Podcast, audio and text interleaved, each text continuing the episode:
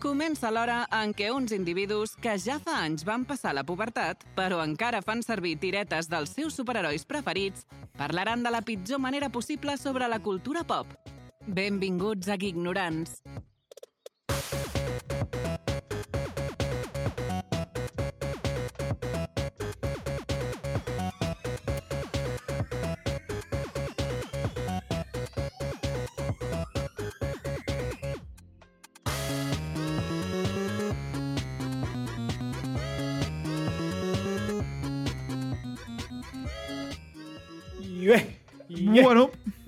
Som-hi, no? Yeah. Bona setmana a tots, una setmana més. Estem aquí, estem aquí. Kevin, com estàs? Pues molt bé. Estem tu i jo solets. Un altre dia, una altra, una altra edició, no? Estem tu i jo solets. Bueno, M'agrada, m'agrada sentir-te. Encara que estiguis lluny, et sento a prop. Exacte. Això és amor.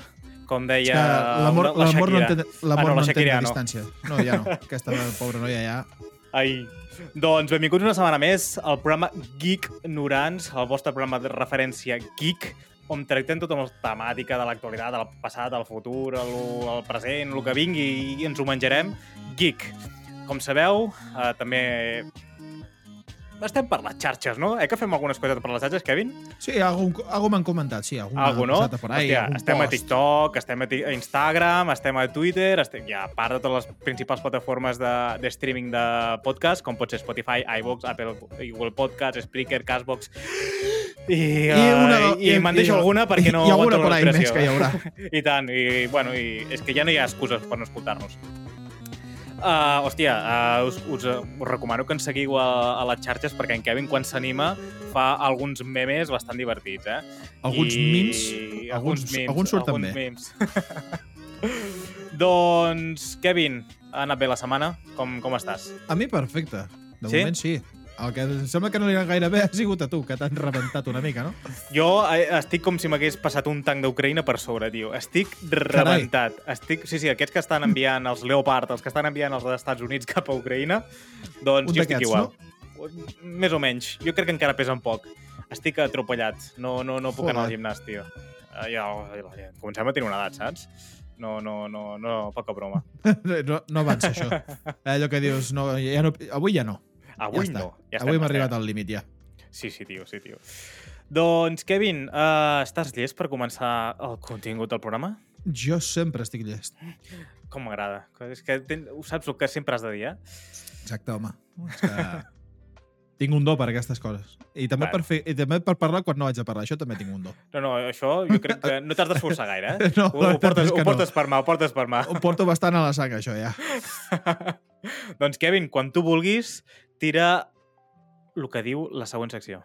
pues, anem a per la primera secció del programa d'avui. Ai. Actualitat Geek.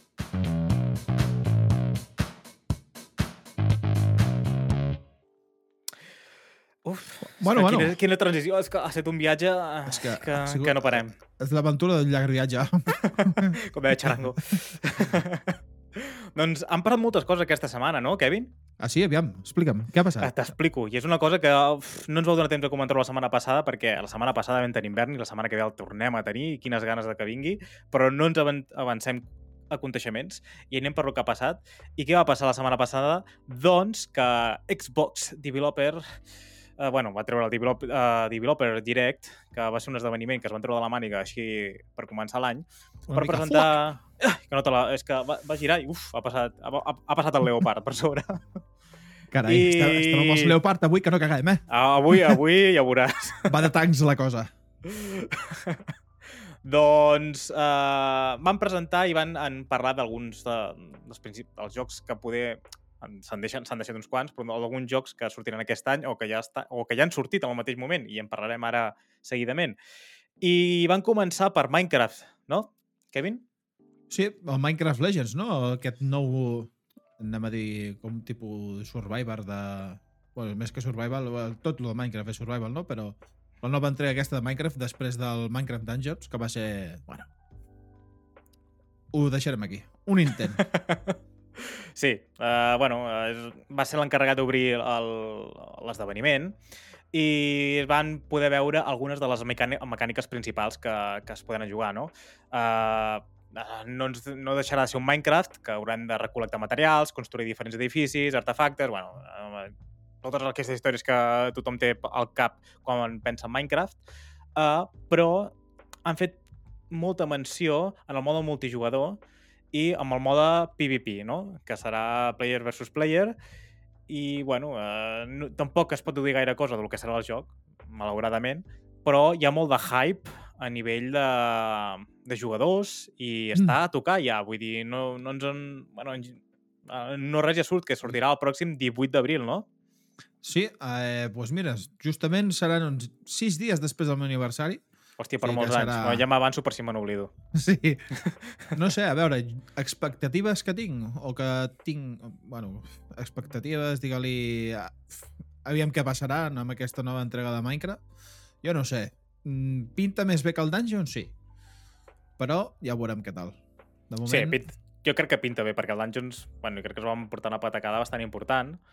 Uh, van voler enfocar-ho. Eh, que està bé que, que vagin i, provant coses noves, no? Perquè el lore el, del videojoc dona per molt, té molta xitxa i jo crec que es pot explotar, però no van saber-ho treure el suc que toca, no?, habitualment. No, sembla que no. Van intentar fer un joc així tipus Diablo, RPG, perquè eh, hi hagués més joc entre les comunitats i tal, però al cap i a la fi tu... La gent de Minecraft li agrada Minecraft perquè és Minecraft i tu li fiques una RPG d'aquest tipus que és tipus de rol i tal i a la gent diu mm, si vull rol agafo un Minecraft i li fico mods de rol Va, jo Va. no li tinc moltes ganes. Aquest joc, sincerament, no crec que... Bueno, com està la Game Pass, el provaré. Mai s'ha de dir que no. Ja que som Xboxers i PCeros, i que si quan en el seu moment puguem serem uh, Sonyers, i som Switcheros, que crec que ho tenim tots, som una gent molt completa. Exacte. Kevin, és el teu moment de vendre't a les noies. No, eh... fora conya. La veritat és que, pues, pues, No, tanta feina no et vull donar. pues sí. Sembla que tindrem... No, bueno, no, no tindrem gaire, gaire ofertes, la veritat. Però No, bueno, no, el collons, que clar que sí, ets un bon partit. Doncs anem pel següent joc que van presentar. Què et sembla? Som-hi. Doncs què van presentar? Van presentar el Forza Motorsport, bueno, no presentar, ja eren coneixedors, i Turn 10, que és la desenvolupadora dels videojocs de, de Forza Motorsport, Tur- Turn 10 uh, Studios, ha volgut presentar un nou contingut de Forza Motorsport i que inclourà entorn, ojo, eh, vull dir, es diu ràpid, però són molts cotxes a, a fer, 500 models de cotxes diferents, i encara, això no Joder. vol dir que s'acabi aquí. Uh, això no vol dir que s'acabi aquí, sinó que el, en faran més en posteriores DLCs. A més, s'ha confirmat eh, que comptarà amb grans opcions gràfiques, incloent ray tracing i un grau de detall bestial a cadascun dels cotxes. Vull dir, eh, potser anirà... Esperem que no tinguem els problemes que vam tenir amb el Gran Turismo, que, mm, sí. que, la, que, que les lents del cotxe semblaven una miqueta- fets... sí, una mica de llàstimeta, eh? Semblaven de, de Lego, saps? Bueno, jo em, em, em dono la sensació, sabent com fan els jocs aquí, vull dir, va sortir el Gran Turismo 7 i la van comparar amb el Fotor, amb Forza Motorsport 7, que ja té, no sé si va sortir el 2017 o alguna història així, vull dir, un, un joc que va sortir l'any passat el comparaven amb una cosa de feia 5 o 6 ja. Uh, diu molt de, de l'estudi Ui. Turn 10 i jo crec que es convertirà en joc de referència vist la patacada que ha tingut uh, no, soc jo, no, no, no, no jugo a aquests jocs, eh? però vist el, la decadència que ha tingut Gran Turismo, l'ha tingut que suplir una mica el joc aquest a Seto Corsa i queda el 8 a, a nivell de competitiu, perquè l'han tingut que, de tan malament que anava el Gran Turismo, han tingut que agafar la Seto Corsa, potser agafarà el relleu al Gran Turismo i que es converteixi en el joc de referència. Mm, home, a veure, jo eh, he jugat molt poc al tema de, de jocs de cotxes, el que sí que en tinc una mica i havia jugat bastant, que es va muntar un simulador i tal, i a veure, el Forza Motorsport és un pedazo de joc que està molt ben optimitzat i que té un bastant bon i tal, però és veritat que l'Assetto Corsa... Arrenca la moto, arrenca la moto! Arranca, arranca, arranca la moto, Carlos, intenta arrencar-la. Però és veritat que l'Assetto Corsa és una puta passada, és una meravella de joc i jo crec que el Forza Motorsport és més pillar un cotxe o un vehicle, el que sigui, i disfrutar de l'experiència.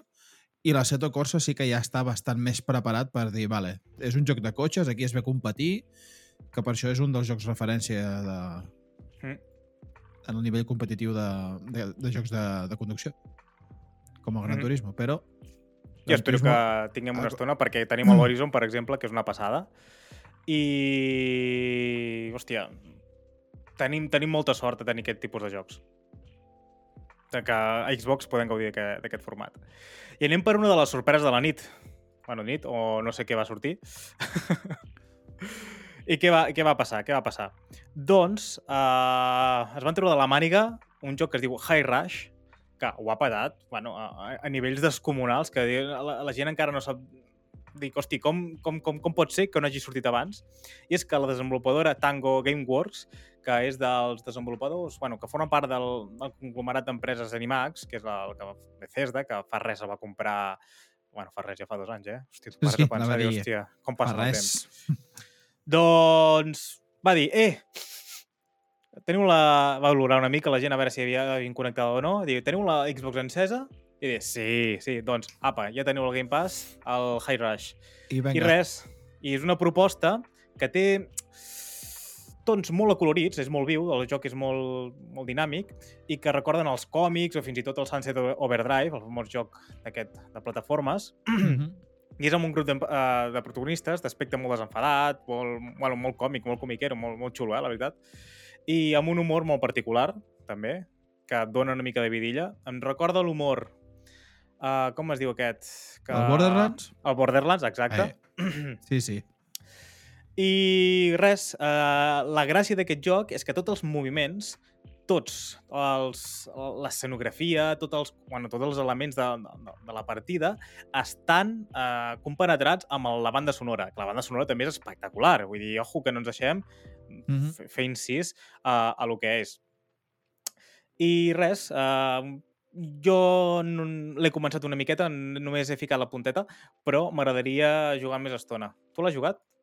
La veritat és que no. He vist algun gameplay, així és una miqueta suelto, per donar-li un cop d'ull, i una de les coses que a mi m'agrada molt d'aquests jocs, que és com deies tu, que és així tipus Borderlands pel tema de l'humor, però també m'agrada perquè l'estètica del joc és així com mig cartoon, mig real... bueno, realista no, però ja m'entens, o sigui, tens un... és com un món així, és molt cyberpunk i a la vegada també eh, li dona aquest toc del, del Borderlands que és així tipus di- cartoon amb dibuixos i tal i està molt guapo, la veritat. A mi eh, és un d'aquests jocs que dius, bueno, si tens una estona i com que és gratis al Game Pass, baixar-te-li i, i f- jugar-hi una estona i perdre temps, per dir-ho d'una manera, i, i, i desconnectar, és un dels jocs que m'agradaria apostar-hi, la veritat, i, i provar-lo.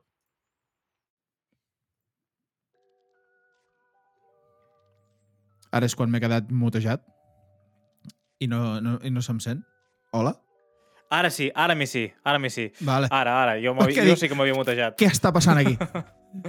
doncs deia que una de les coses que Tito, Tito Phil Spencer ha dit és que està molt content de trencar una mica la dinàmica de fer crear molt de hype en els videojocs i avançar-ho moltes setmanes abans, de que estem treballant, bueno, mesos o fins i tot anys en alguns casos, de que estem parlant d'un videojoc, que mira el que estem desenvolupant i que hagi tingut tanta bona acceptació un joc que s'hagi anunciat el primer, bueno, en un no res. Dic, ei, que ho teniu i que la gent hagi jugat, perquè es veu que ha tingut molt bona recepció gràcies al Game Pass.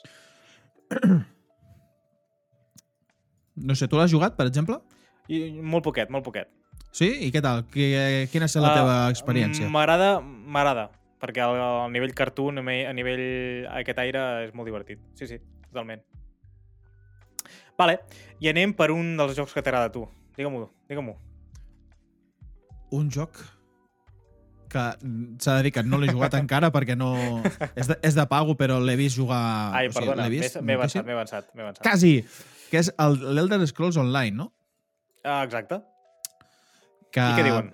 Que, bueno, que ara eh, la, la nova actualització que presentaran al juny presentaran també un altre personatge que ens, em sembla que l'ha ficat aquí en Víctor, vale, sí, que és el personatge de Necrom. Bueno, per tothom qui no ho sàpiga, a hores d'avui, que segurament Jo no Sereu sé. tots, colla d'ignorants.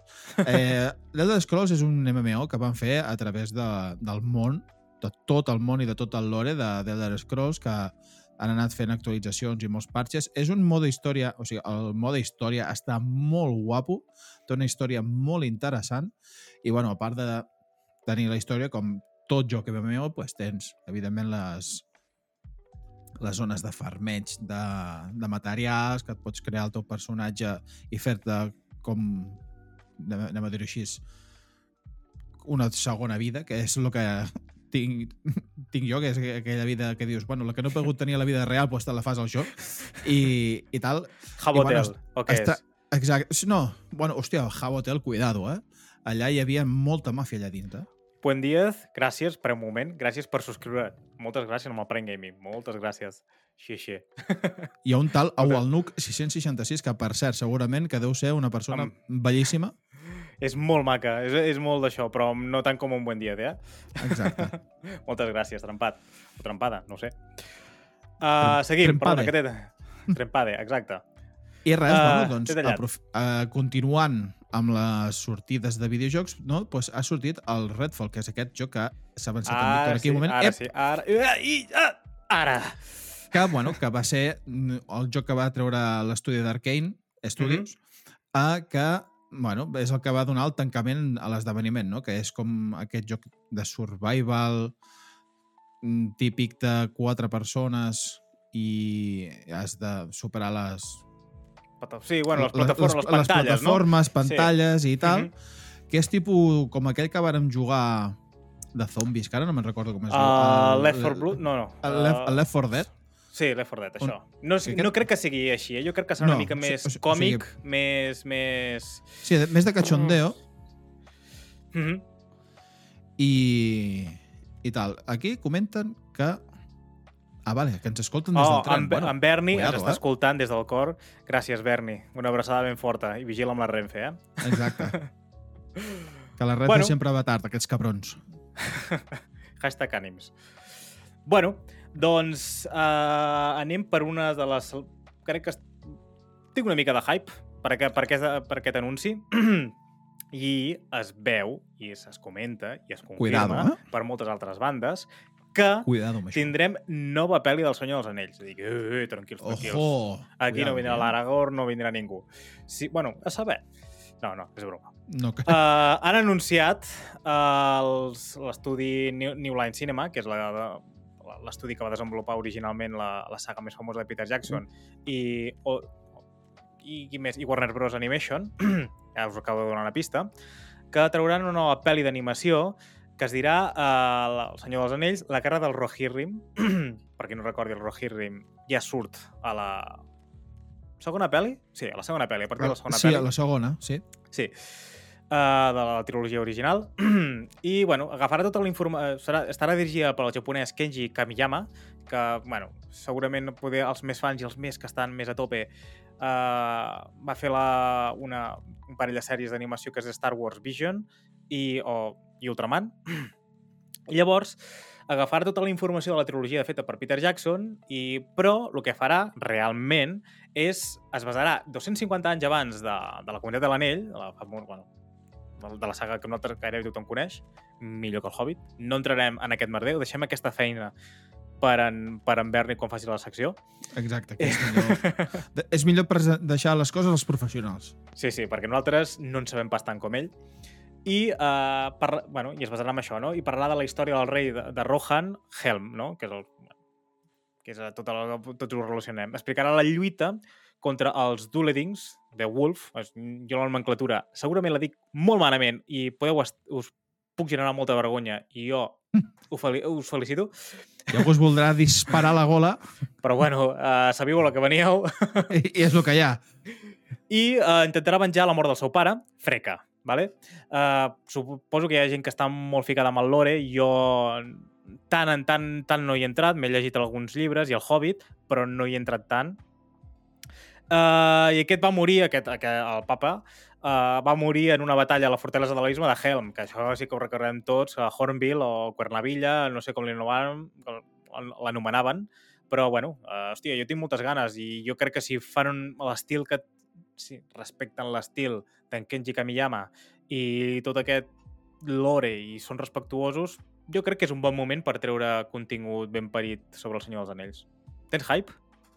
Jo la veritat és que no, perquè al cap i a la fi no és una cosa que t'afegeix, o sigui, una, una cosa nova que, mm -hmm. que dius, oh, sinó que t'explica un fet passat, però sempre està bé mirar aquestes pel·lis perquè és com, bueno, és una ampliació de la història i una ampliació del lore i en aquest cas t'explica una mica l'origen, no? Com va passar també amb els Anillos de Poder, que això també és una cosa bastant que jo recomano, encara et pot agradar més o menys la sèrie, però afegeix bastantes coses que dius, bueno, no està pas malament comenten ara pel xat que si s'assembla, encara que sigui, i estic totalment d'acord, el que està fent Clone Wars, uh, l'aniversari d'animació de Star Wars, o Rebels, o fins i tot aquesta canteta ara que és de Bad Batch, si, encara que s'assembli una miqueta, una miqueta a aquest contingut, l'encertaran i tindran molts seguidors. I tant. El que passa que em fa por que on capsulin molt amb The War of Rohirrim, bueno, amb la guerra del Rohirrim, i només doni per una temporada.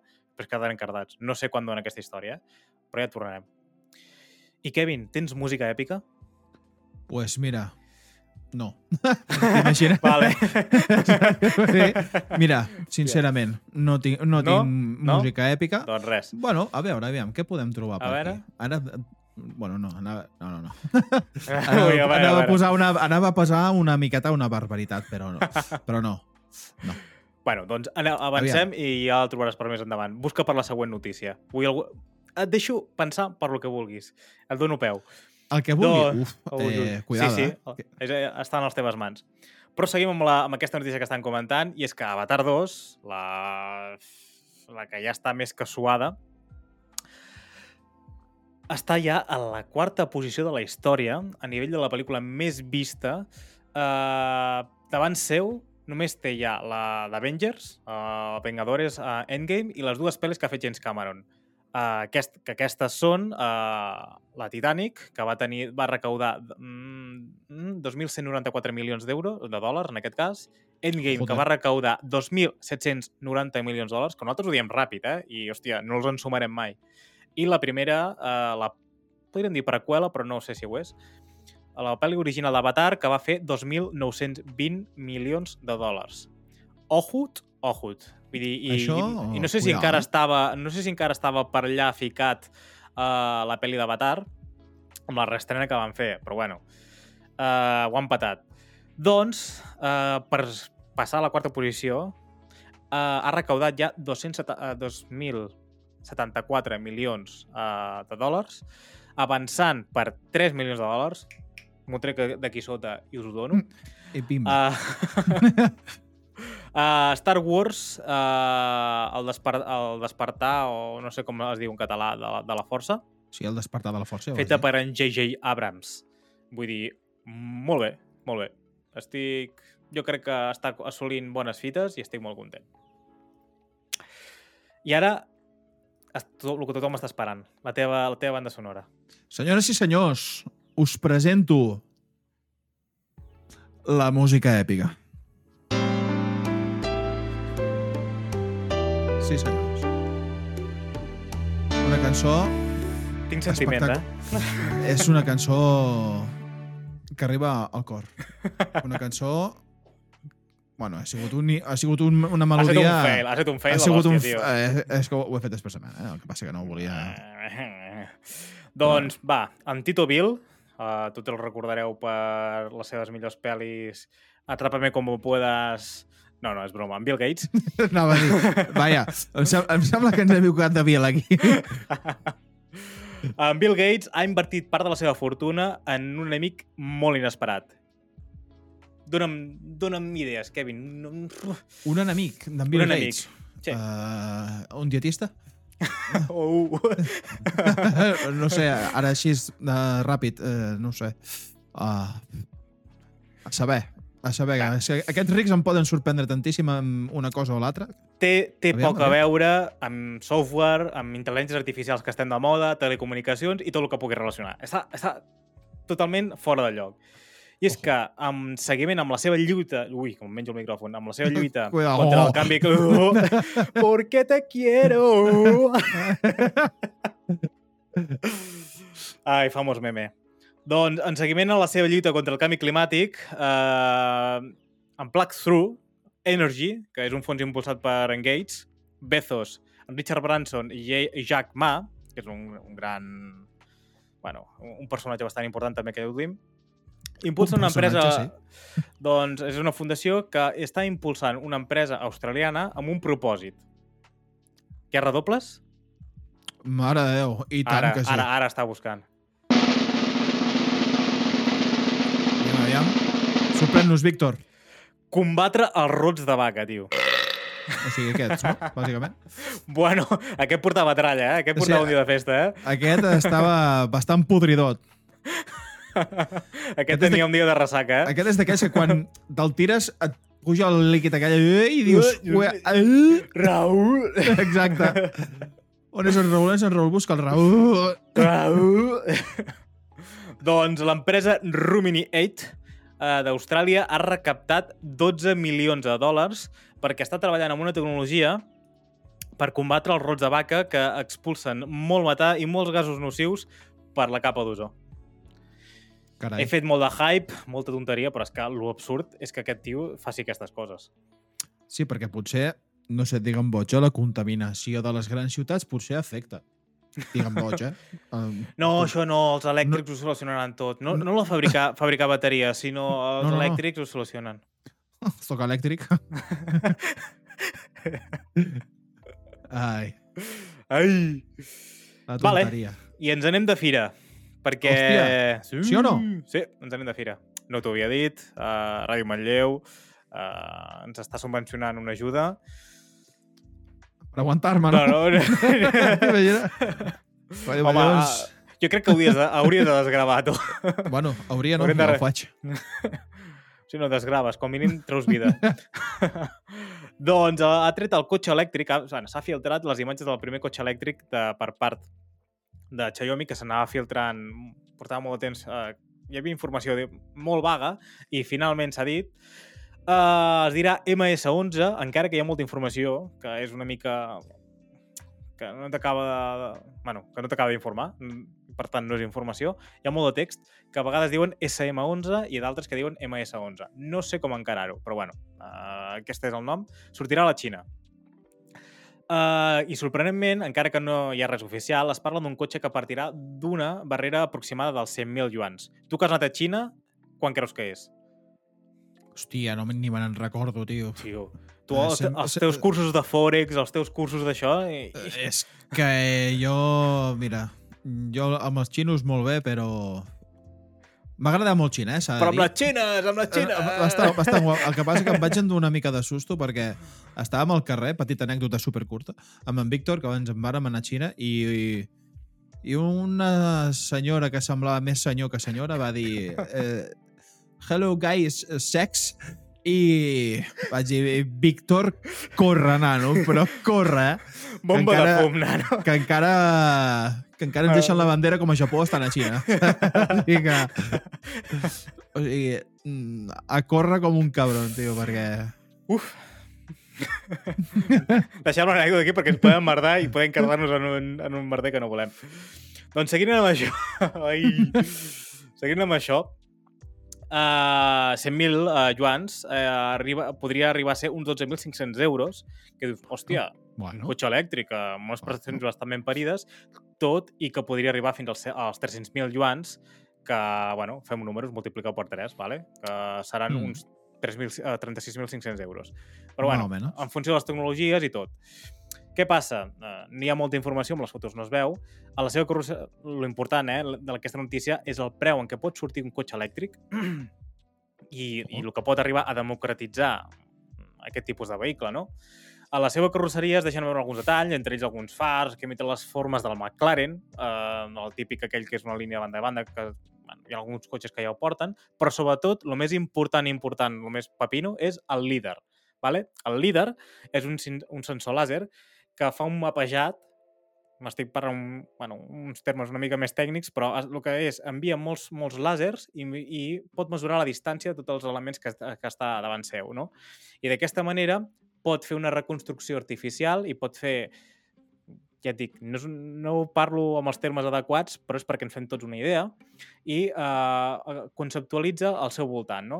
Què passa? Que aquests, eh, la inclusió d'aquest tipus de sensor, líder, eh, ja et fa pensar que amb els vehicles autònoms, que ja és un, és un must, és, un, és una cosa que, ja, que han de portar sí o sí, eh, et fa pensar en les ambicions que té Xiaomi, no? Evidentment, aquest cotxe no serà autònom, ara de sortida, però hi haurà una previsió de que sí ho sigui. Uh, L'estiu es va parlar de la possibilitat de que tenir un robotaxi uh, completament autònom als carrers, de, uh, als carrers al 2024 a Xina, i això què fa? Que un cotxe eco- econòmic que tingui aquest, aquesta sensòrica sigui un punt a favor perquè es pugui arribar mm, de manera massiva al mercat. Te'l compraràs, Kevin, quan vagis a la muralla xina a visitar-la de nou? Bueno, jo crec... Si vaig a la muralla xina, el que faré serà... Eh, Pujar. comprar- eh, Comprar-me algú per no morir-me i sobretot no anar a ple estiu, com vam anar, que una mica més i em moro allà. Però, Hòstia, com vam pujar escales, eh, tio? Joder, i em va talentar un avi però que no estava ni suant, el tio. Jo allà Algun dia com... farem públic el vídeo de tu, del feedback que vas donar a l'arribar a, a la- l'altra punta. Hòstia, nano. Aquell, que a més a més me'n recordo que li vaig enviar algú al meu tiet, que era el seu aniversari, una cosa així. Mare de Déu. Quina vergonya ser- vaig passar, eh? Perquè Bueno. la gent em mirava i dic, hòstia, pobre nen... Bueno, nen, que teníem pes als ous, eh? Vull sí, que anava a dir, nen. eh, amb 24, 26 o 27 No. anys, diu, saps què? Sí, sí, 26 anys. Hòstia puta, com plou, eh? Estem, estem, estem iaios. Vam portar, de fet, nosaltres vam ser que vam portar la Covid aquí, però això va ser el 2019. Podria ser bastant probable. Vam anar, vam anar a l'agost del 2019. 19, Va 19, ser, no? sí, sí, sí, Sí? sí. sí, sí.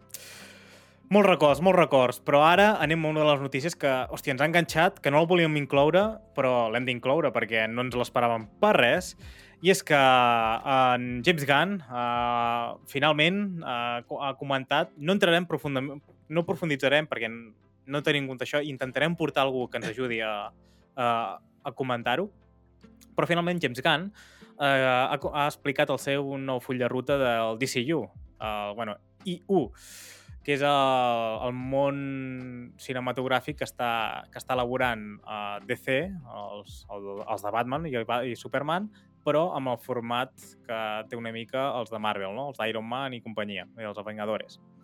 Doncs ha comentat a la revista The Hollywood Reporter que la primera fase del DCU es diu capítol 1 ha estat molts dies pensant a veure com titular-ho, però hi ha un subtítol que es diu Déus i monstres. Què passa?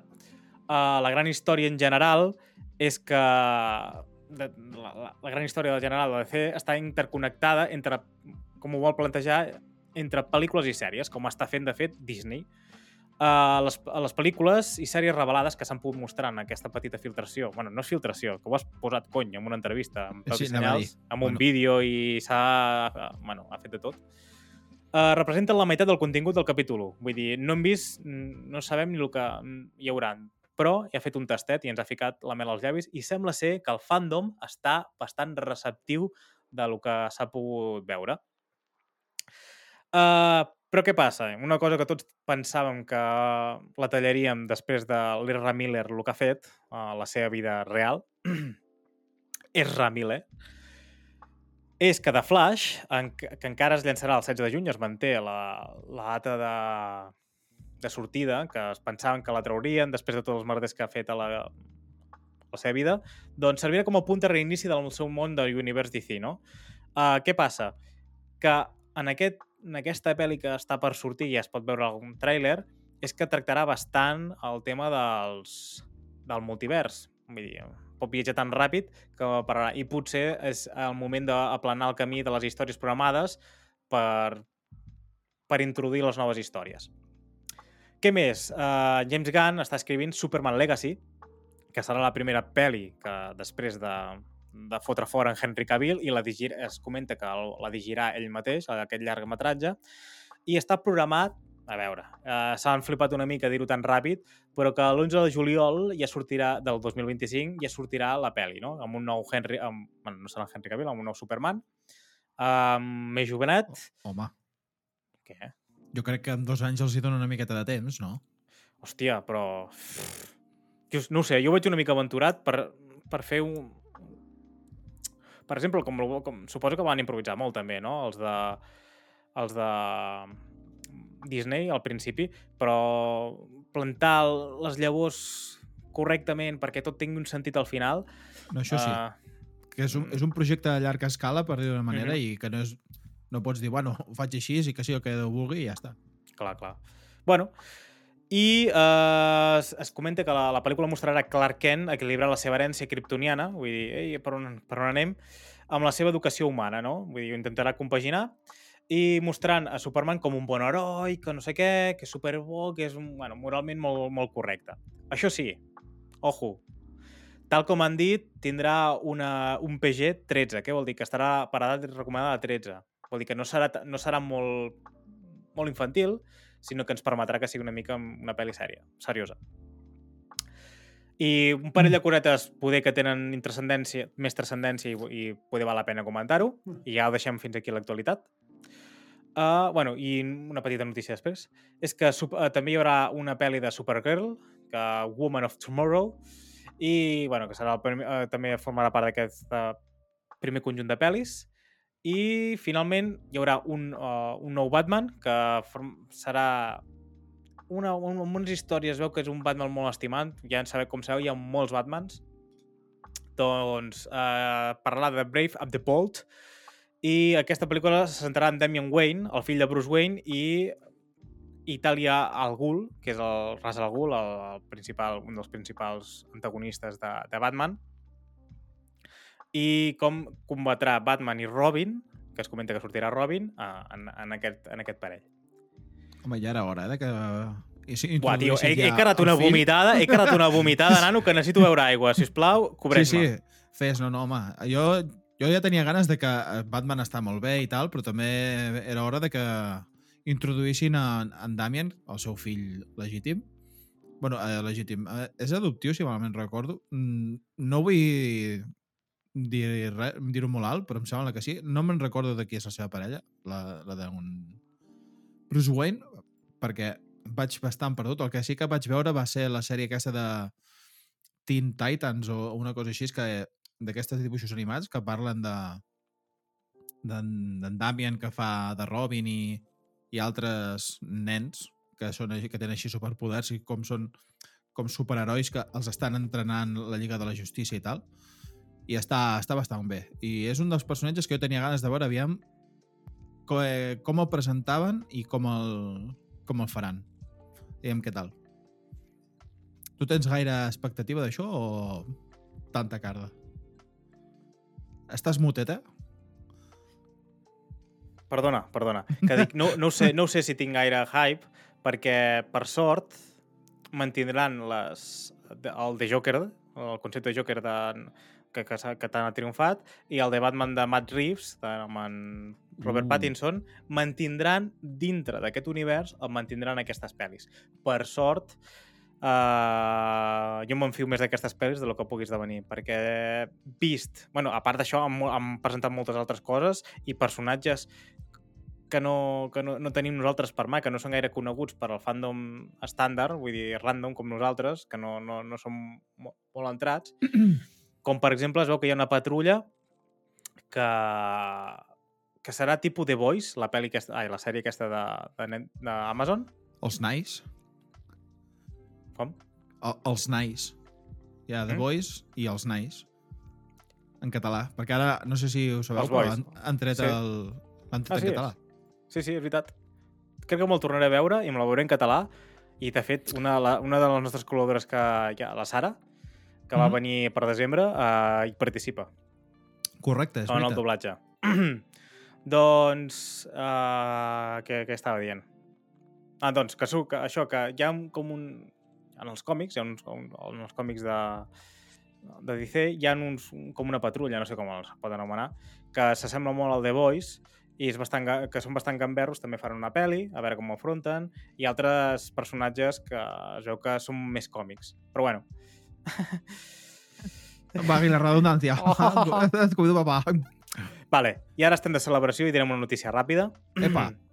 I si vols uh, Face Titan, al final, que és que han renovat la, la sèrie The Last of Us d'HBO per una segona temporada i segurament hi haurà moltes i era d'esperar, però bueno, estem de celebració.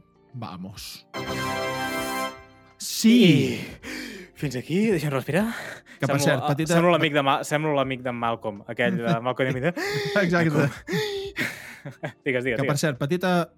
Eh, un petit parèntesis. Tu has vist els, els capítols de The Last of Us? Yes, estic en, estic en ello, estic en ello.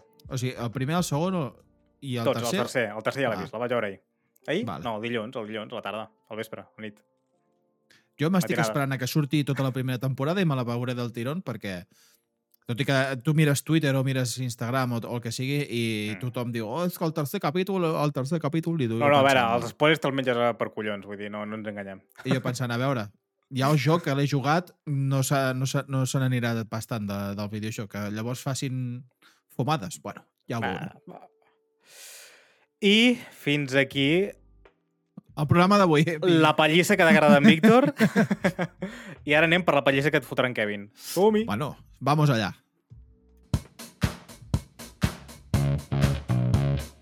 Pel forat.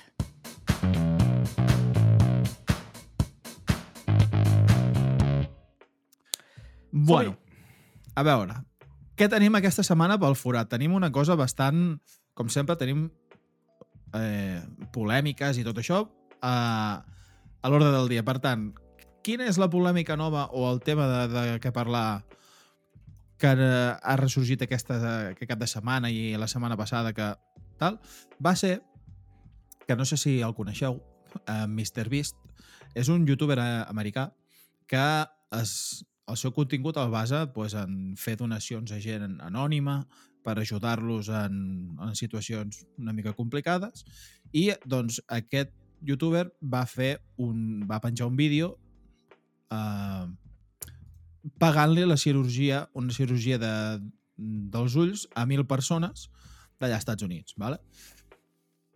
I què és el que passa? Que aquesta cirurgia, molt ràpidament us l'expliquem, eh, aquesta cirurgia és una operació de catarates, vale? típica, que segurament eh, hi haurà gent que aquí haurà tingut avis o àvies o gent gran que, Sí, sí. que s'han operat i és una, es veu que és una operació de res, de 10 minuts, super senzilla. El problema que allà costa entre 3 i 5.000 dòlars.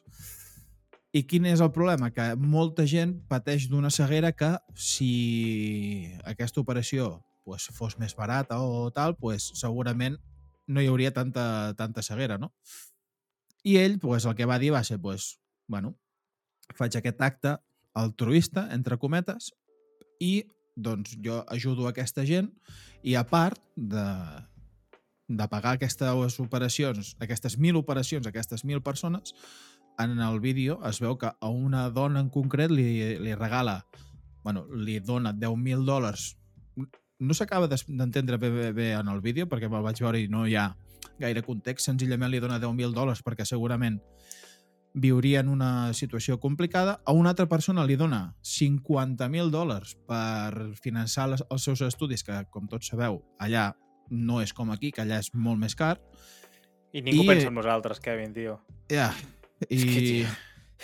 I nosaltres aquí, pues, fent el que podem. No? Que regali subs a la gent i ja està, saps? Exacte, algú si, si vingués aquí, fe, eh, regala 10.000... 5.000, bueno, 10.000 tampoc, Eh, però tampoc 5.000 tenim tants, tampoc tenim tants subscriptors. 5.000 seguidors. euros aquí en subscripcions o, o una No, donació. a, eh, a, a està tots els nostres seguidors que Exacte. 5.000 euros. Ah, Això Collons, sí. Després la gent correria a, a seguir-nos. Bueno, vindrien aquí i, eh, bueno, llavors, com a anècdota, a un nano pues, li va regalar li va re- va regalar un Tesla perquè ell deia que el, el seu somni era pues, recuperar-se de la visió i quan ell es recuperés pues, poder conduir un Tesla perquè és un, és un cotxe que ell sempre li havia agradat. I, evidentment, quan li paga la, Però per la, què la vol... daixonses, Per pues, si, té, si és autònom el cotxe.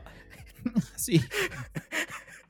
I, I així està que, hòstia, que per cert, super petita anècdota, va veure, hi va haver aquell, aquell Tesla d'allà Xina que va que es va quedar com sense frenos Ah, sí? Sí, sí, sí. i, i dius, bueno, a veure, A sort que veig, perquè a sort que m'ha parat la vista, perquè si no...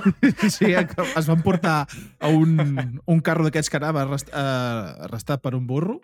Hòstia, Arrossegat, va, arrossegat. arrossegar, perdó, arrastrat no. Eh, pol policia del DIEC. espera, espera, espera, espera. Espera, espera. espera, Ara, espera. vinga. The police! Exacte. No hi ha aquell, aquell meme, The police! FBI, open up! I explota el de Johnson. pues això acaba de succeir aquí. I, bueno, la polèmica, evidentment, la gent... Hi ha molta gent que va dir, ostres, que bé, que maco i tal, però, com sempre, hi ha d'haver-hi gent que, quan veu una cosa d'aquestes altruista, i ho fiquem així amb, entre cometes, doncs diu, home, això no em sembla bé perquè, aquí quines, hi han dos, com dos posicions, no? La, la de dir, bueno, hi ha, mm, quina modalitat hi ha de fer això i després penjar el vídeo i, saps, monetitzar aquesta cosa que en teoria tu la fas de manera altruista, perquè si dius, bueno, aquest vídeo, pues, uh, el que recaudi ho dono per per, sí, per, per, per la beneficència, no? Sí, sí. No, bueno, i per pagar pues, més eh, cirurgies a aquestes persones.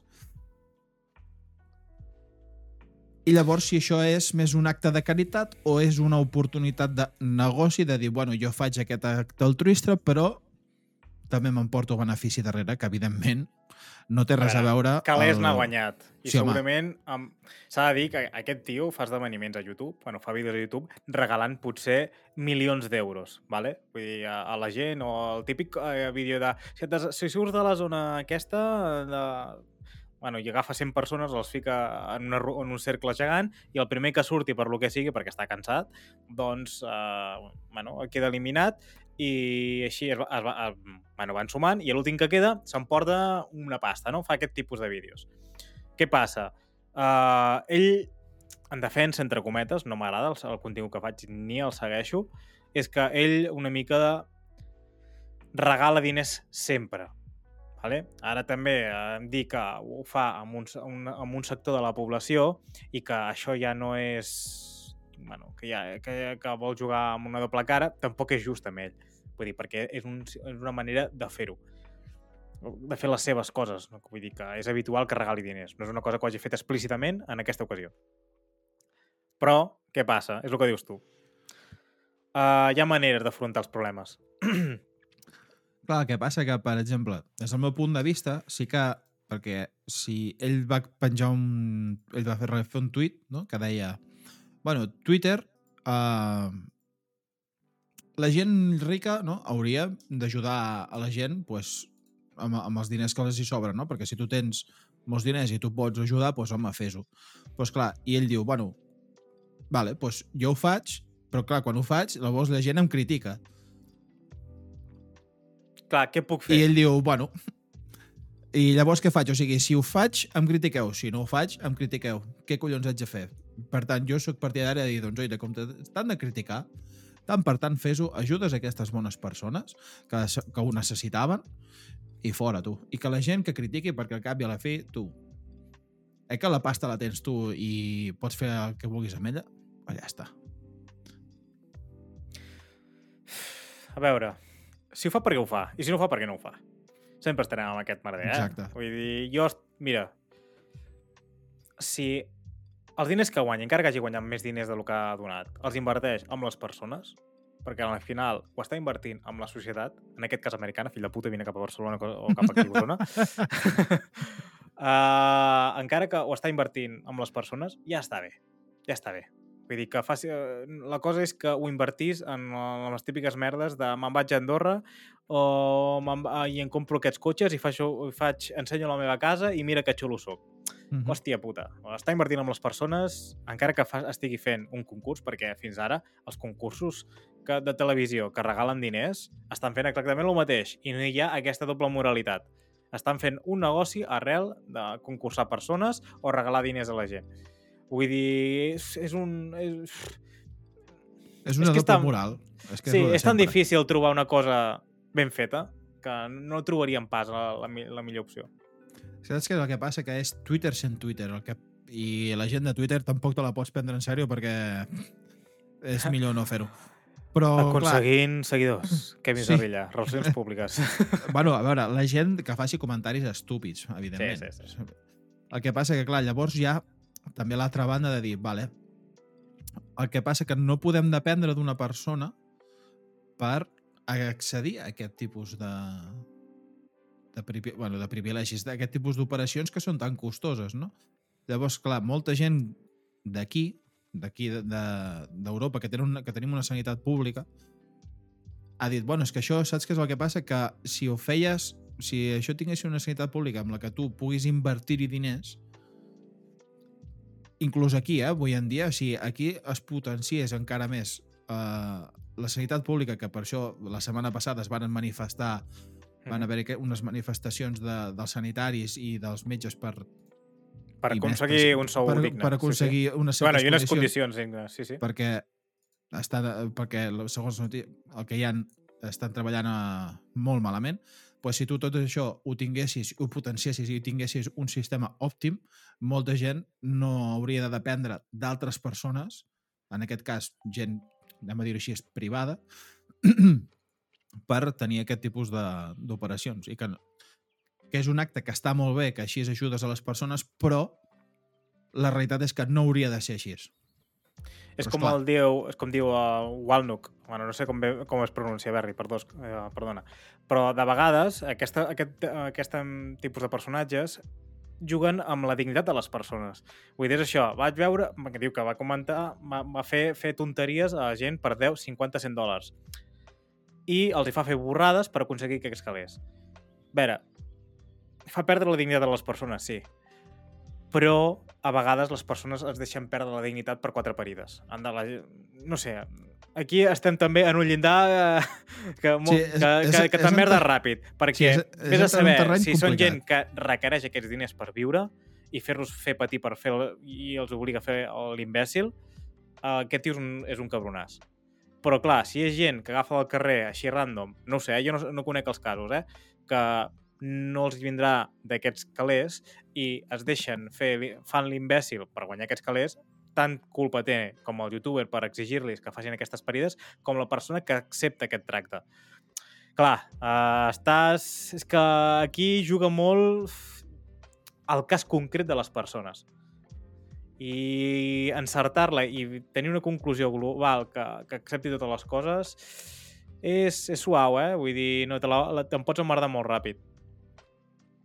Però Clar, és millor sí. pagar impostos, en aquest cas? Creus que és millor... Bueno, vull dir, vale, no dono els 5 milions, però els dono directament a l'Estat. 5 milions. Bueno, clar, en aquest cas no, perquè tu saps que ho estàs invertint tu d'una manera directa. En canvi, tu si ho, ho inverteixes en un... Eh, bueno, ho inverteixes. Bueno, sí, bueno, diguem que ho inverteixes en impostos per un millor estat de benestar de, del teu país, tu, o sigui, se sobreentén que tu aquests diners s'utilitzen per això. Però, és clar la realitat és una altra, o sigui, no s'utilitza per això.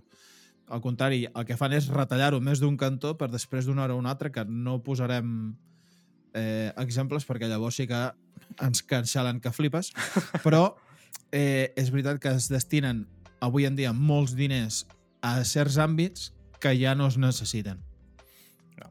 Quan els, els primaris, com és la sanitat i l'educació, que jo crec que són els primordials d'una societat, eh, avui en dia aquí a Espanya estan bastant fets merda. Llavors, clar, quan tu tens una persona amb aquest poder adquisitiu, és una mica mm, entre l'espasa i la paret, perquè jo, si estigués en aquesta situació, diria, vale, si jo haig de pagar d'impostos, no? Per exemple, 3 milions no? d'euros, i dius, vale, jo aquests 3 milions d'euros, si jo els dono a l'Estat, amb què s'inverteixen? Eh, De veritat ajudo a tanta gent com si ho fes jo de, de manera privada? Ja, el repartiment no, no és tan equitatiu, no, no saps on arriben, hi ha molts intermediaris, hi ha moltes parides, que sí, que fa... Bueno, ja entraríem aquí en un merder que ens aniríem cap a Andorra tots, eh? Bueno, sí, això. bàsicament. Però eh, entres en, un, en, un, en una manera de pensar bastant... Bueno, en coses bastant complexes que crec que no tenim els coneixements, som ignorants, però poder ens embarranquem, eh, Kevin? No sé com... Bueno, jo, jo vinc aquí a donar una opinió que al cap i a la fi... Eh, No, no, però pots dir, eh? Jo, És- és jo, que jo hi ha. tranquil, eh?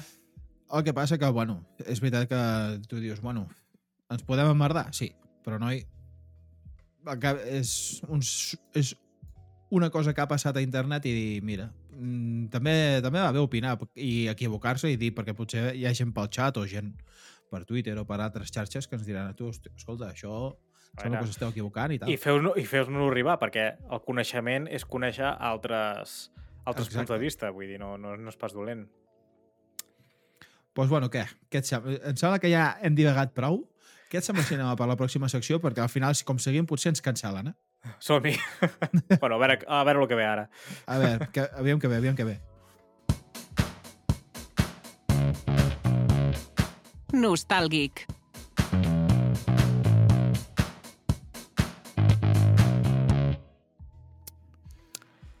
Aviam. Silenci i escolteu ara.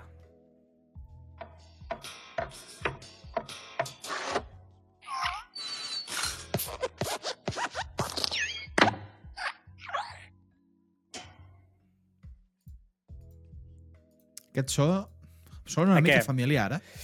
No ets tu per les nits. No t'he vingut, a, no vingut a casa a gravar uh, mentre feies les pallaringues de cada nit, eh? Eh. No ets... Bueno, era una nit forta, Bueno, eh? Aquella, o- aquella... Uh, per No, o sí. Depèn. O no, sí, perquè has de pensar que... Eh, no sé, aviam, Víctor, explica'ns. Què és diré aquest tot. soroll? T'ho diré tot. T'ho diré tot. Doncs és la intro amb un personatge digne dels productes més venguts IKEA. Uh, I aquest és una làmpara d'escriptori. Ara ja saps quina és, no? Ja, ara Home, ja sé. hòstia, ara em sembla que ah, sí. Sí. Doncs aquesta setmana estem de celebració i és que a Nostàlgic farem... commemorarem eh, que un 3 de febrer de 1986 es va fundar Pixar. Ai, Pixar, perdona, perdona. Que... Epa! Ai, és que normalitzem el català. doncs va néixer Pixar. Com tothom ja sap, uh, Pixar uh, és un dels grans estudis d'animació que, que ha donat al cinema. Vull dir, és la canya, segurament la referència per molts altres estudis, com Animation, uh, Illumination, d'aquests els francesos, o moltes altres coses. Ja pel seu estil propi que, que tothom es vol, els vol copiar, per ser uns visionaris a nivell tecnològic, o pel seu nivell de detall que mostren sempre cada pel·lícula, no? els, els típics easter eggs. Per tot això i més, eh, repassarem les curiositats més interessants sobre, sobre aquest estudi i pel·lis en general, no en cap concreta perquè ja, ja, ja aniran no- nostàlgics dedicats a només a algunes pel·lis i si no, no tindrem idees per més endavant, vale? Què et sembla, Kevin? Vols començar a dir alguna o eh, començo jo i després tu ja anirem... Bueno, si vols, fem una... ens ho anem partint, no? Sí? Sí. Doncs va, jo ja he fet la intro, et toca tu dir la teva. Doncs pues vinga, va. Pues primer començarem una miqueta per l'origen, no? D'on prové Pixar. No? Aviam, des de què va passar aquí. pues, uh, el que ve a ser tot l'estudi, no? Uh, va ser fundat el 1979, vale? i posteriorment Steve Jobs vale, va adquirir la majoria de les accions no? i va passar a dir-se Pixar, perquè abans es deia Graphics Group. Va ser fundat i llavors quan Steve Jobs el va comprar va dir, bueno, està molt bé el nom, sembla estupendo, però el canviarem. Vale? Pues vale. Llavors, un dels majors errors de Disney, vale? que es comenta per les xarxes, això ja depèn... Això t'ho ha dit a, a tu directament l'Steve Jobs ara, no? T'ho Sí. acaba d'enviar en WhatsApp? M'acaba- De fet, mira, he fet una ouija abans de venir i m'ha dit, noi, eh, mira, et, et comento, eh, perquè he rebut un... He vist com un poltergeist a la tele i dic, ui, espera't, aquí passa alguna cosa. Aquí, aquí en, en Jobs m'està dient alguna cosa. I he fet una ouija i m'ha dit, tu, que sóc l'Steve Jobs, eh, t'ho comento, apunta't això, que, que vas més perdut, nano, que... En fi, llavors, un dels majors errors, per es comenta per les xarxes, que mm, de Disney va saber acomiadar a un tal John Lasseter. Tu saps qui és aquest noi? Sí, perquè ho he escrit jo. Vaja, perdó. Ah, com desmuntar Eh? la història? Vaja, a tomar pel, a tomar pel cul. Bueno, nois, uh, me'n vaig. Bueno. Adéu. Pots fer-ho tu sol, si vols, no? bueno, Víctor, No, sí que sé, sí que ho sé, jo, jo l'havia sentit abans de- d'escriure-ho, eh, és un, un dels personatges bastant importants en el mundillo. Doncs, bueno, per... El van acomiadar per haver intentat no crear dibuixos eh, animats tridimensionals, no? Quan... Per no crear. No, no, per tractar de crear. Ah, vale, vale. O sigui, ell va fer com l'intent, Uh -huh. no? I que dius, bueno... Mm, I dius, no sé, coses que no, no s'acaben d'entendre. Bueno, sí, en aquella època no estava Eh, sí, gaire ben acceptat, no? És una cosa que dius, ui, eh, A la hoguera, sí, eh, 100 anys abans. I, però bueno, Lucasfilm va dir, hòstia, aquest tio aquest tio domina, eh, contractem-lo. I el van contractar no, per, per crear pues, una de les, per mi, de les millors pel·lícules que hi ha hagut d'animació, que és Toy. Story.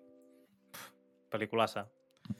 I bueno, llavors, com a petita anècdota seguint això, eh, anys més tard Disney va comprar Pixar i Lucasfilm. O sigui, va dir... S'ho han menjat tot. Eh, Està acaparant-ho. Eh? bon dia i bona hora, us vinc a comprar. Cop de talonari. Vinga, tots cap a casa. Doncs no deixant davant d'aquest bon, bon visionari, eh, en John Lasseter, eh, el fet que Ants i Bitxos, les famoses pel·lis, ens recordeu? Hòstia, sí. Ants i Bitxos o Bestioles, eh, una, una aventura en miniatura. Doncs eh, que s'estrenessin alhora no és casualitat, vull dir, això ja estava tot estudiat i va ser perquè en Jeffrey Katzenberg, un altre il·luminati d'allà, va ser acomiadat de Disney i tot seguit va formar, va formar part de l'estudi de, bueno, un dels grans estudis de, de, video, de, de, de sèrie, collons, de, de pel·lis, d'animació, com pot ser DreamWorks, que, el, fa- que va fer Rec. És evident que abans d'abandonar l'estudi va robar algunes idees de John Lasseter i se les va fer seves i van córrer a punta pala per fer una pel·li molt semblant. Per mi, millors bitxos que Ants. No sé si Coincideixo totalment. Perquè la cara de, de, de Ants és d'una molta grimilla i bitxos o bestioles és una bastant més divertida que no, que no pas la resta. Bueno, és que a part la pel·li en si ja carda una mica de grima, no? Perquè és com tots es preparen per una guerra contra contra què lluiten? Contra, o sigui, les formigues contra uns, uns Contra insectes sí, que llancen Sant, Sant Martís o Sí, que llancen llagostes, àcid no sé què són. i tal, i que dius, hòstia, que asco, tu. Mm -hmm. Bueno, a mi m'agrada. Però ara dieu, us preguntareu, joder, jo, John Lasseter, aquest, que té marca de mocadors íntims, de... La setter fino y segura. utilizas, utilizas uh, Lasseter, pues mm, no, no, no, no, no lo aquest. tires por el váter. Ai! llagostes, doncs la cara gràcies. de la... Poder dir, hòstia, qui- quina cara deu fer aquest tio? Doncs què? Doncs la cara d'en Buzz Lightyear va Sí ser no? modelada sobre la base dels trets facials del, del Tito John. Uh, a més, cada fotograma de la pel·lícula, com a curiositat de, de Toy Story, de la, la primera, uh, que va ser la primera feta completament per ordinador, va trigar a renderitzar-se realment entre 3, ai, entre 4 i 13 hores. Cada fotograma. Contem Joder. que són de mitjana 24-25 fotogrames per segon i la peli... Mira, va, anem a fer, anem a fer quatre càlculs. Ti, ti, ti, ti, ti, ti, ti, ti, ti. Calculadora. Fiquem, si són 24, 25 fotogrames per segon, uh, quants segons... Oh, espera, contem primer els segons de la peli. Quant dura una peli? Hora i mitja? Sí, posem una hora O com a i mitja. 5. Per 60 són 90, seg uh, 90 minuts. Per 60, que són 60 segons, estem parlant de 5.400 segons. Per 25 fotogrames per segon, estem parlant de 135.000 f- uh, Segons. se- uh, segons. Ara això ho has de dividir entre 3.600 i tens les hores. Sí, no, però ho multiplicaré per 4, que són, fiquem de mitjana, entre 4 i 13, uh, pff, jo què sé, fiquem 8 hores, no? Entre, entre Sí. poc i massa. Per 8, aquí tenim 1.080.000 segons. Dividit entre 3.600, que estem parlant de que va trigar a renderitzar-se 300 hores la pel·li de Toy Story. Imagina't co com nosaltres, que triguem a exportar un PDF. Uh, Amb res? no, no, un vídeo, una hora, Ah, i, això sí, i, sí. i, i ens peta i ens trenquem el cap, imagina que aquests, suposo, espero que ho fessin per trams, eh? Doncs eh, imagineu-vos Sí, perquè si no... que, que, que ho petés i, i tenen que començar de nou, nano. Que jo, jo, jo treuen- m'hagués quedat un tret, la veritat. Són molts dies de renderitzat, eh? Són molts dies. Comenten per aquí, pel xat, que la pel·lícula de Bitchos té un component comunista, bastant guai, o sigui que estava Hòstia, una miqueta... Sí, la, he la madre sentit, pàtria, home. no? Sí, sí. Hòstia, uh, però vols dir que Pixar... Bueno, poder sí, la veritat és que abans intentaven carregar-te moltes coses per a nivell subliminal, eh? Joder. Doncs va, Kevin, il·lumina'ns per la següent. Doncs pues mira, parlant d'il·luminació. Uh! Cuidado, Pa, pa, eh? pa, pa, que ho Has digues, has, tio. has vist no, no, no. quina transició, eh? Parlant d'il·luminació... Uh. Bueno, ja heu vist que al principi, no? De, de...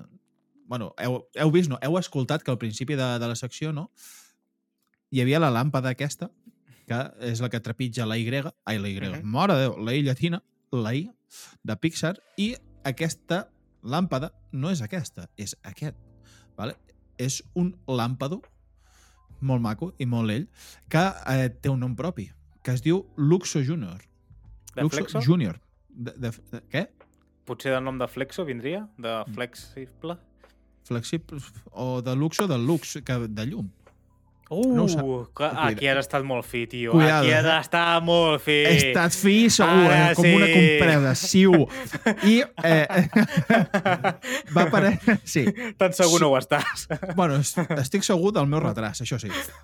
Vamos. I va aparèixer, aquest petitó, vale, va aparèixer en el primer curt que va fer Pixar el 1986. D'això fa ja uns quants anyets.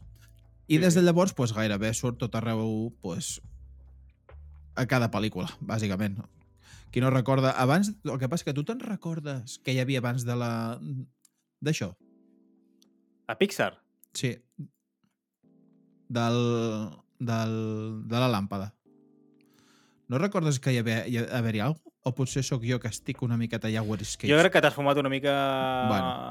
una mica fu- cosa guapa, saps? Una mica de, de cactus. Sí. M'he fumat un cactus eh, cactilion de puta mare. Bueno, doncs, seguint amb lo següent, no? Mm, Tots recordarem aquell robotet petitó no? que, que recollia les deixalles a la pel·lícula de Wall-E. Doncs, a... com dir-ho, com ens aniria de bé a l'actualitat, no? Doncs que al principi la pel·li no se va dir com, com, com el robot, no? sinó que s'anava s'anava a dir el planeta el planeta escombraries. O sigui, Com que de fer dir- veure que llegeixes una cosa per primera vegada sense fer veure que llegeixes una No, cosa home. per primera vegada. No, el, que, el que passa que no... No, home, joder, és que no volia ficar-ho tot directament, perquè sona molt malament. Perquè si dius, bueno, és que sí, al principi de la pel·li no s'anava a dir com el robot. Si tras Planet, el planeta els compraries. Home, queda molt malament. És una mica... de- és- S'ha d'improvisar en aquesta vida. Sí, sí, ho fas bé, ho fas bé. I els meus pares van improvisar molt bé i mira, vaig, vaig sortir jo. Per tant, molt bé no van improvisar. No, però bueno, uh, no sé, o sigui, al principi, vale? tornant aquí al tema del Wall-E, no? Uh, no s'anava a dir Tu com el pots. robot, sinó uh, que o sigui, s'anava a dir Trash Planet, sinó doncs el que dèiem, no? que s'anava a dir Planet d'Escombraries. Bueno, Vit, t'has penjat? com, Ah, vale, com vale. a petita... Sí, és que no, m'ha patat una miqueta com el so. Doncs ara et diré, ara, ara et diré una, una dada molt tendra, molt maca, molt... Oh! Aviam, aviam, espera, espera. espera. Doncs quan un bebè de l'equip de neix a l'estudi de Pixar, durant, durant el procés de creació de la peli, Pixar col·loca sempre els seus noms al crèdit. Els crèdits. Vale? I diu, Kevin, tinc una cosa que volia dir. Algun dia tens canalla, Alguna cosa volia dir. Aviam. no esperis que faci el mateix. Digue'm, Víctor. ja, que, uh... Avui què fas a la nit? Víctor. Uh, perquè et pots quedar embarassat. Aviam, aviam, digue-m'ho, Víctor. Jo et dic que sí.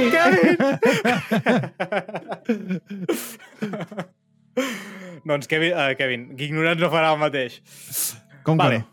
Ara, una de les coses amb les que penses quan dius Toy Story, et ve al cap Pizza Planet.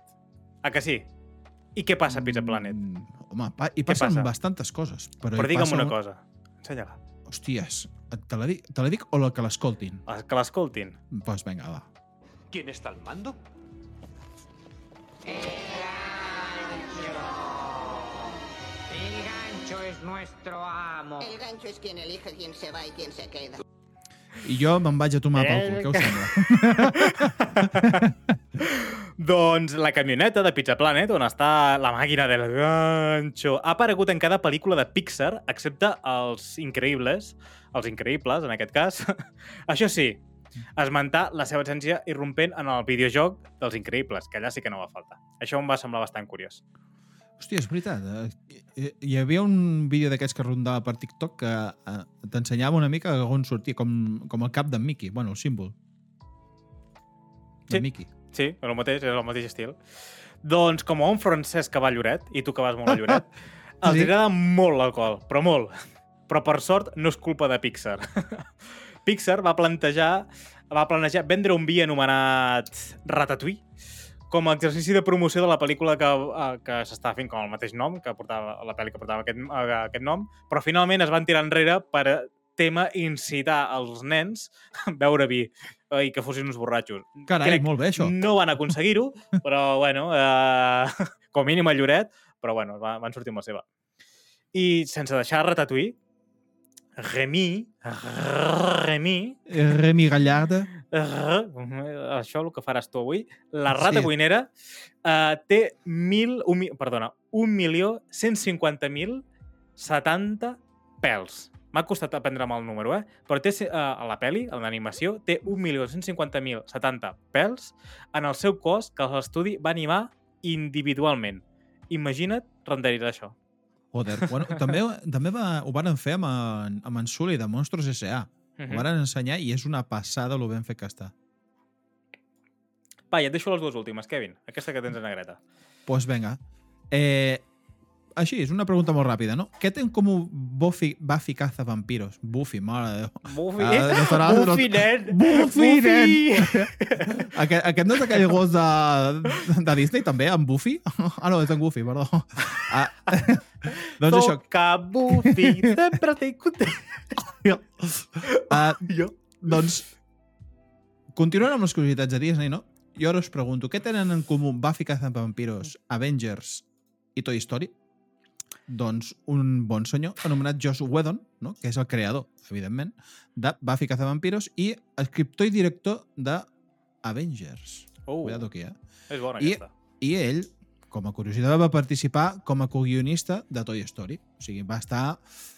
Després de fer aquestes dues animalades, doncs va dir, tu, Toy Story i ets a sèrie. I, a més a més, també va ser l'encarregat de crear amb en Rex, el dinosaure, el, el dinosaure aquell de... Rex, un policia de Toy diferent. Story. Sí, això el que passa que era un gos, no un dinosaure, Ai. però gairebé. I, bueno, uh, molta gent sempre s'ha preguntat, tu, aquesta gent d'on es treuen les idees per Pixar? Bueno, nosaltres hem pensat en un pols, en una pols així de color blanc que es fica a la taula amb unes, amb unes targetes de crèdit, però es veu que no és així. Vamos, no, que- no, queda, no, que, canceladíssims. no queda tan bé a nivell de, saps? de cara a la De galeria, sinó Sí, sí.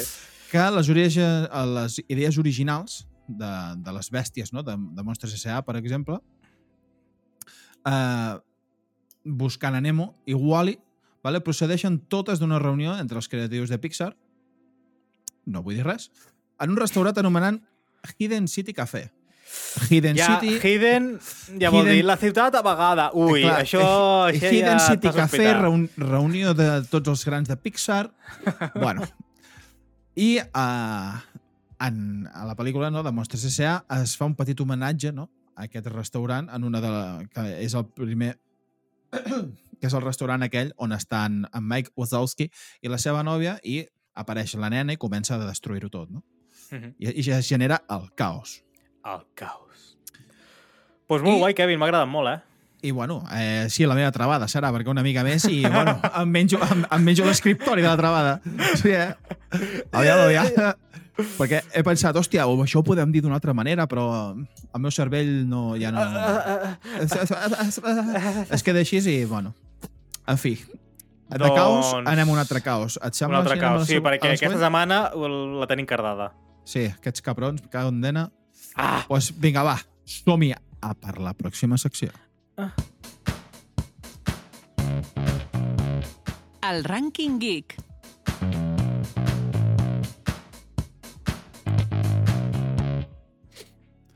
Doncs, bueno, aprofitant no, que aquesta setmana va sortir un remake bastant esperat per la gent del, del Dead Space, un joc aquest típic survival horror tipus Resident Evil, però ambientat a l'espai. Evil. Que... No, Resident no és broma, eh? A mi Evil. m'és igual, eh? Però hi ha gent que es fica imbècil amb, amb això de la pronunciació. Tio, no has nascut a Wisconsin. Pots equivocar-te, saps? A part que no passa res que els... a I la gent després- d'aquí- d'aquí, diuen- Espanyol i catalana li donem el- la nostra la nostra entonació, l'anglès, com els tio, francesos i els italians. Ja està, no passa per res. Sí. Porco tío bastardo, tío póvoro, Em, porca Madonna- madonna. por Mercadona.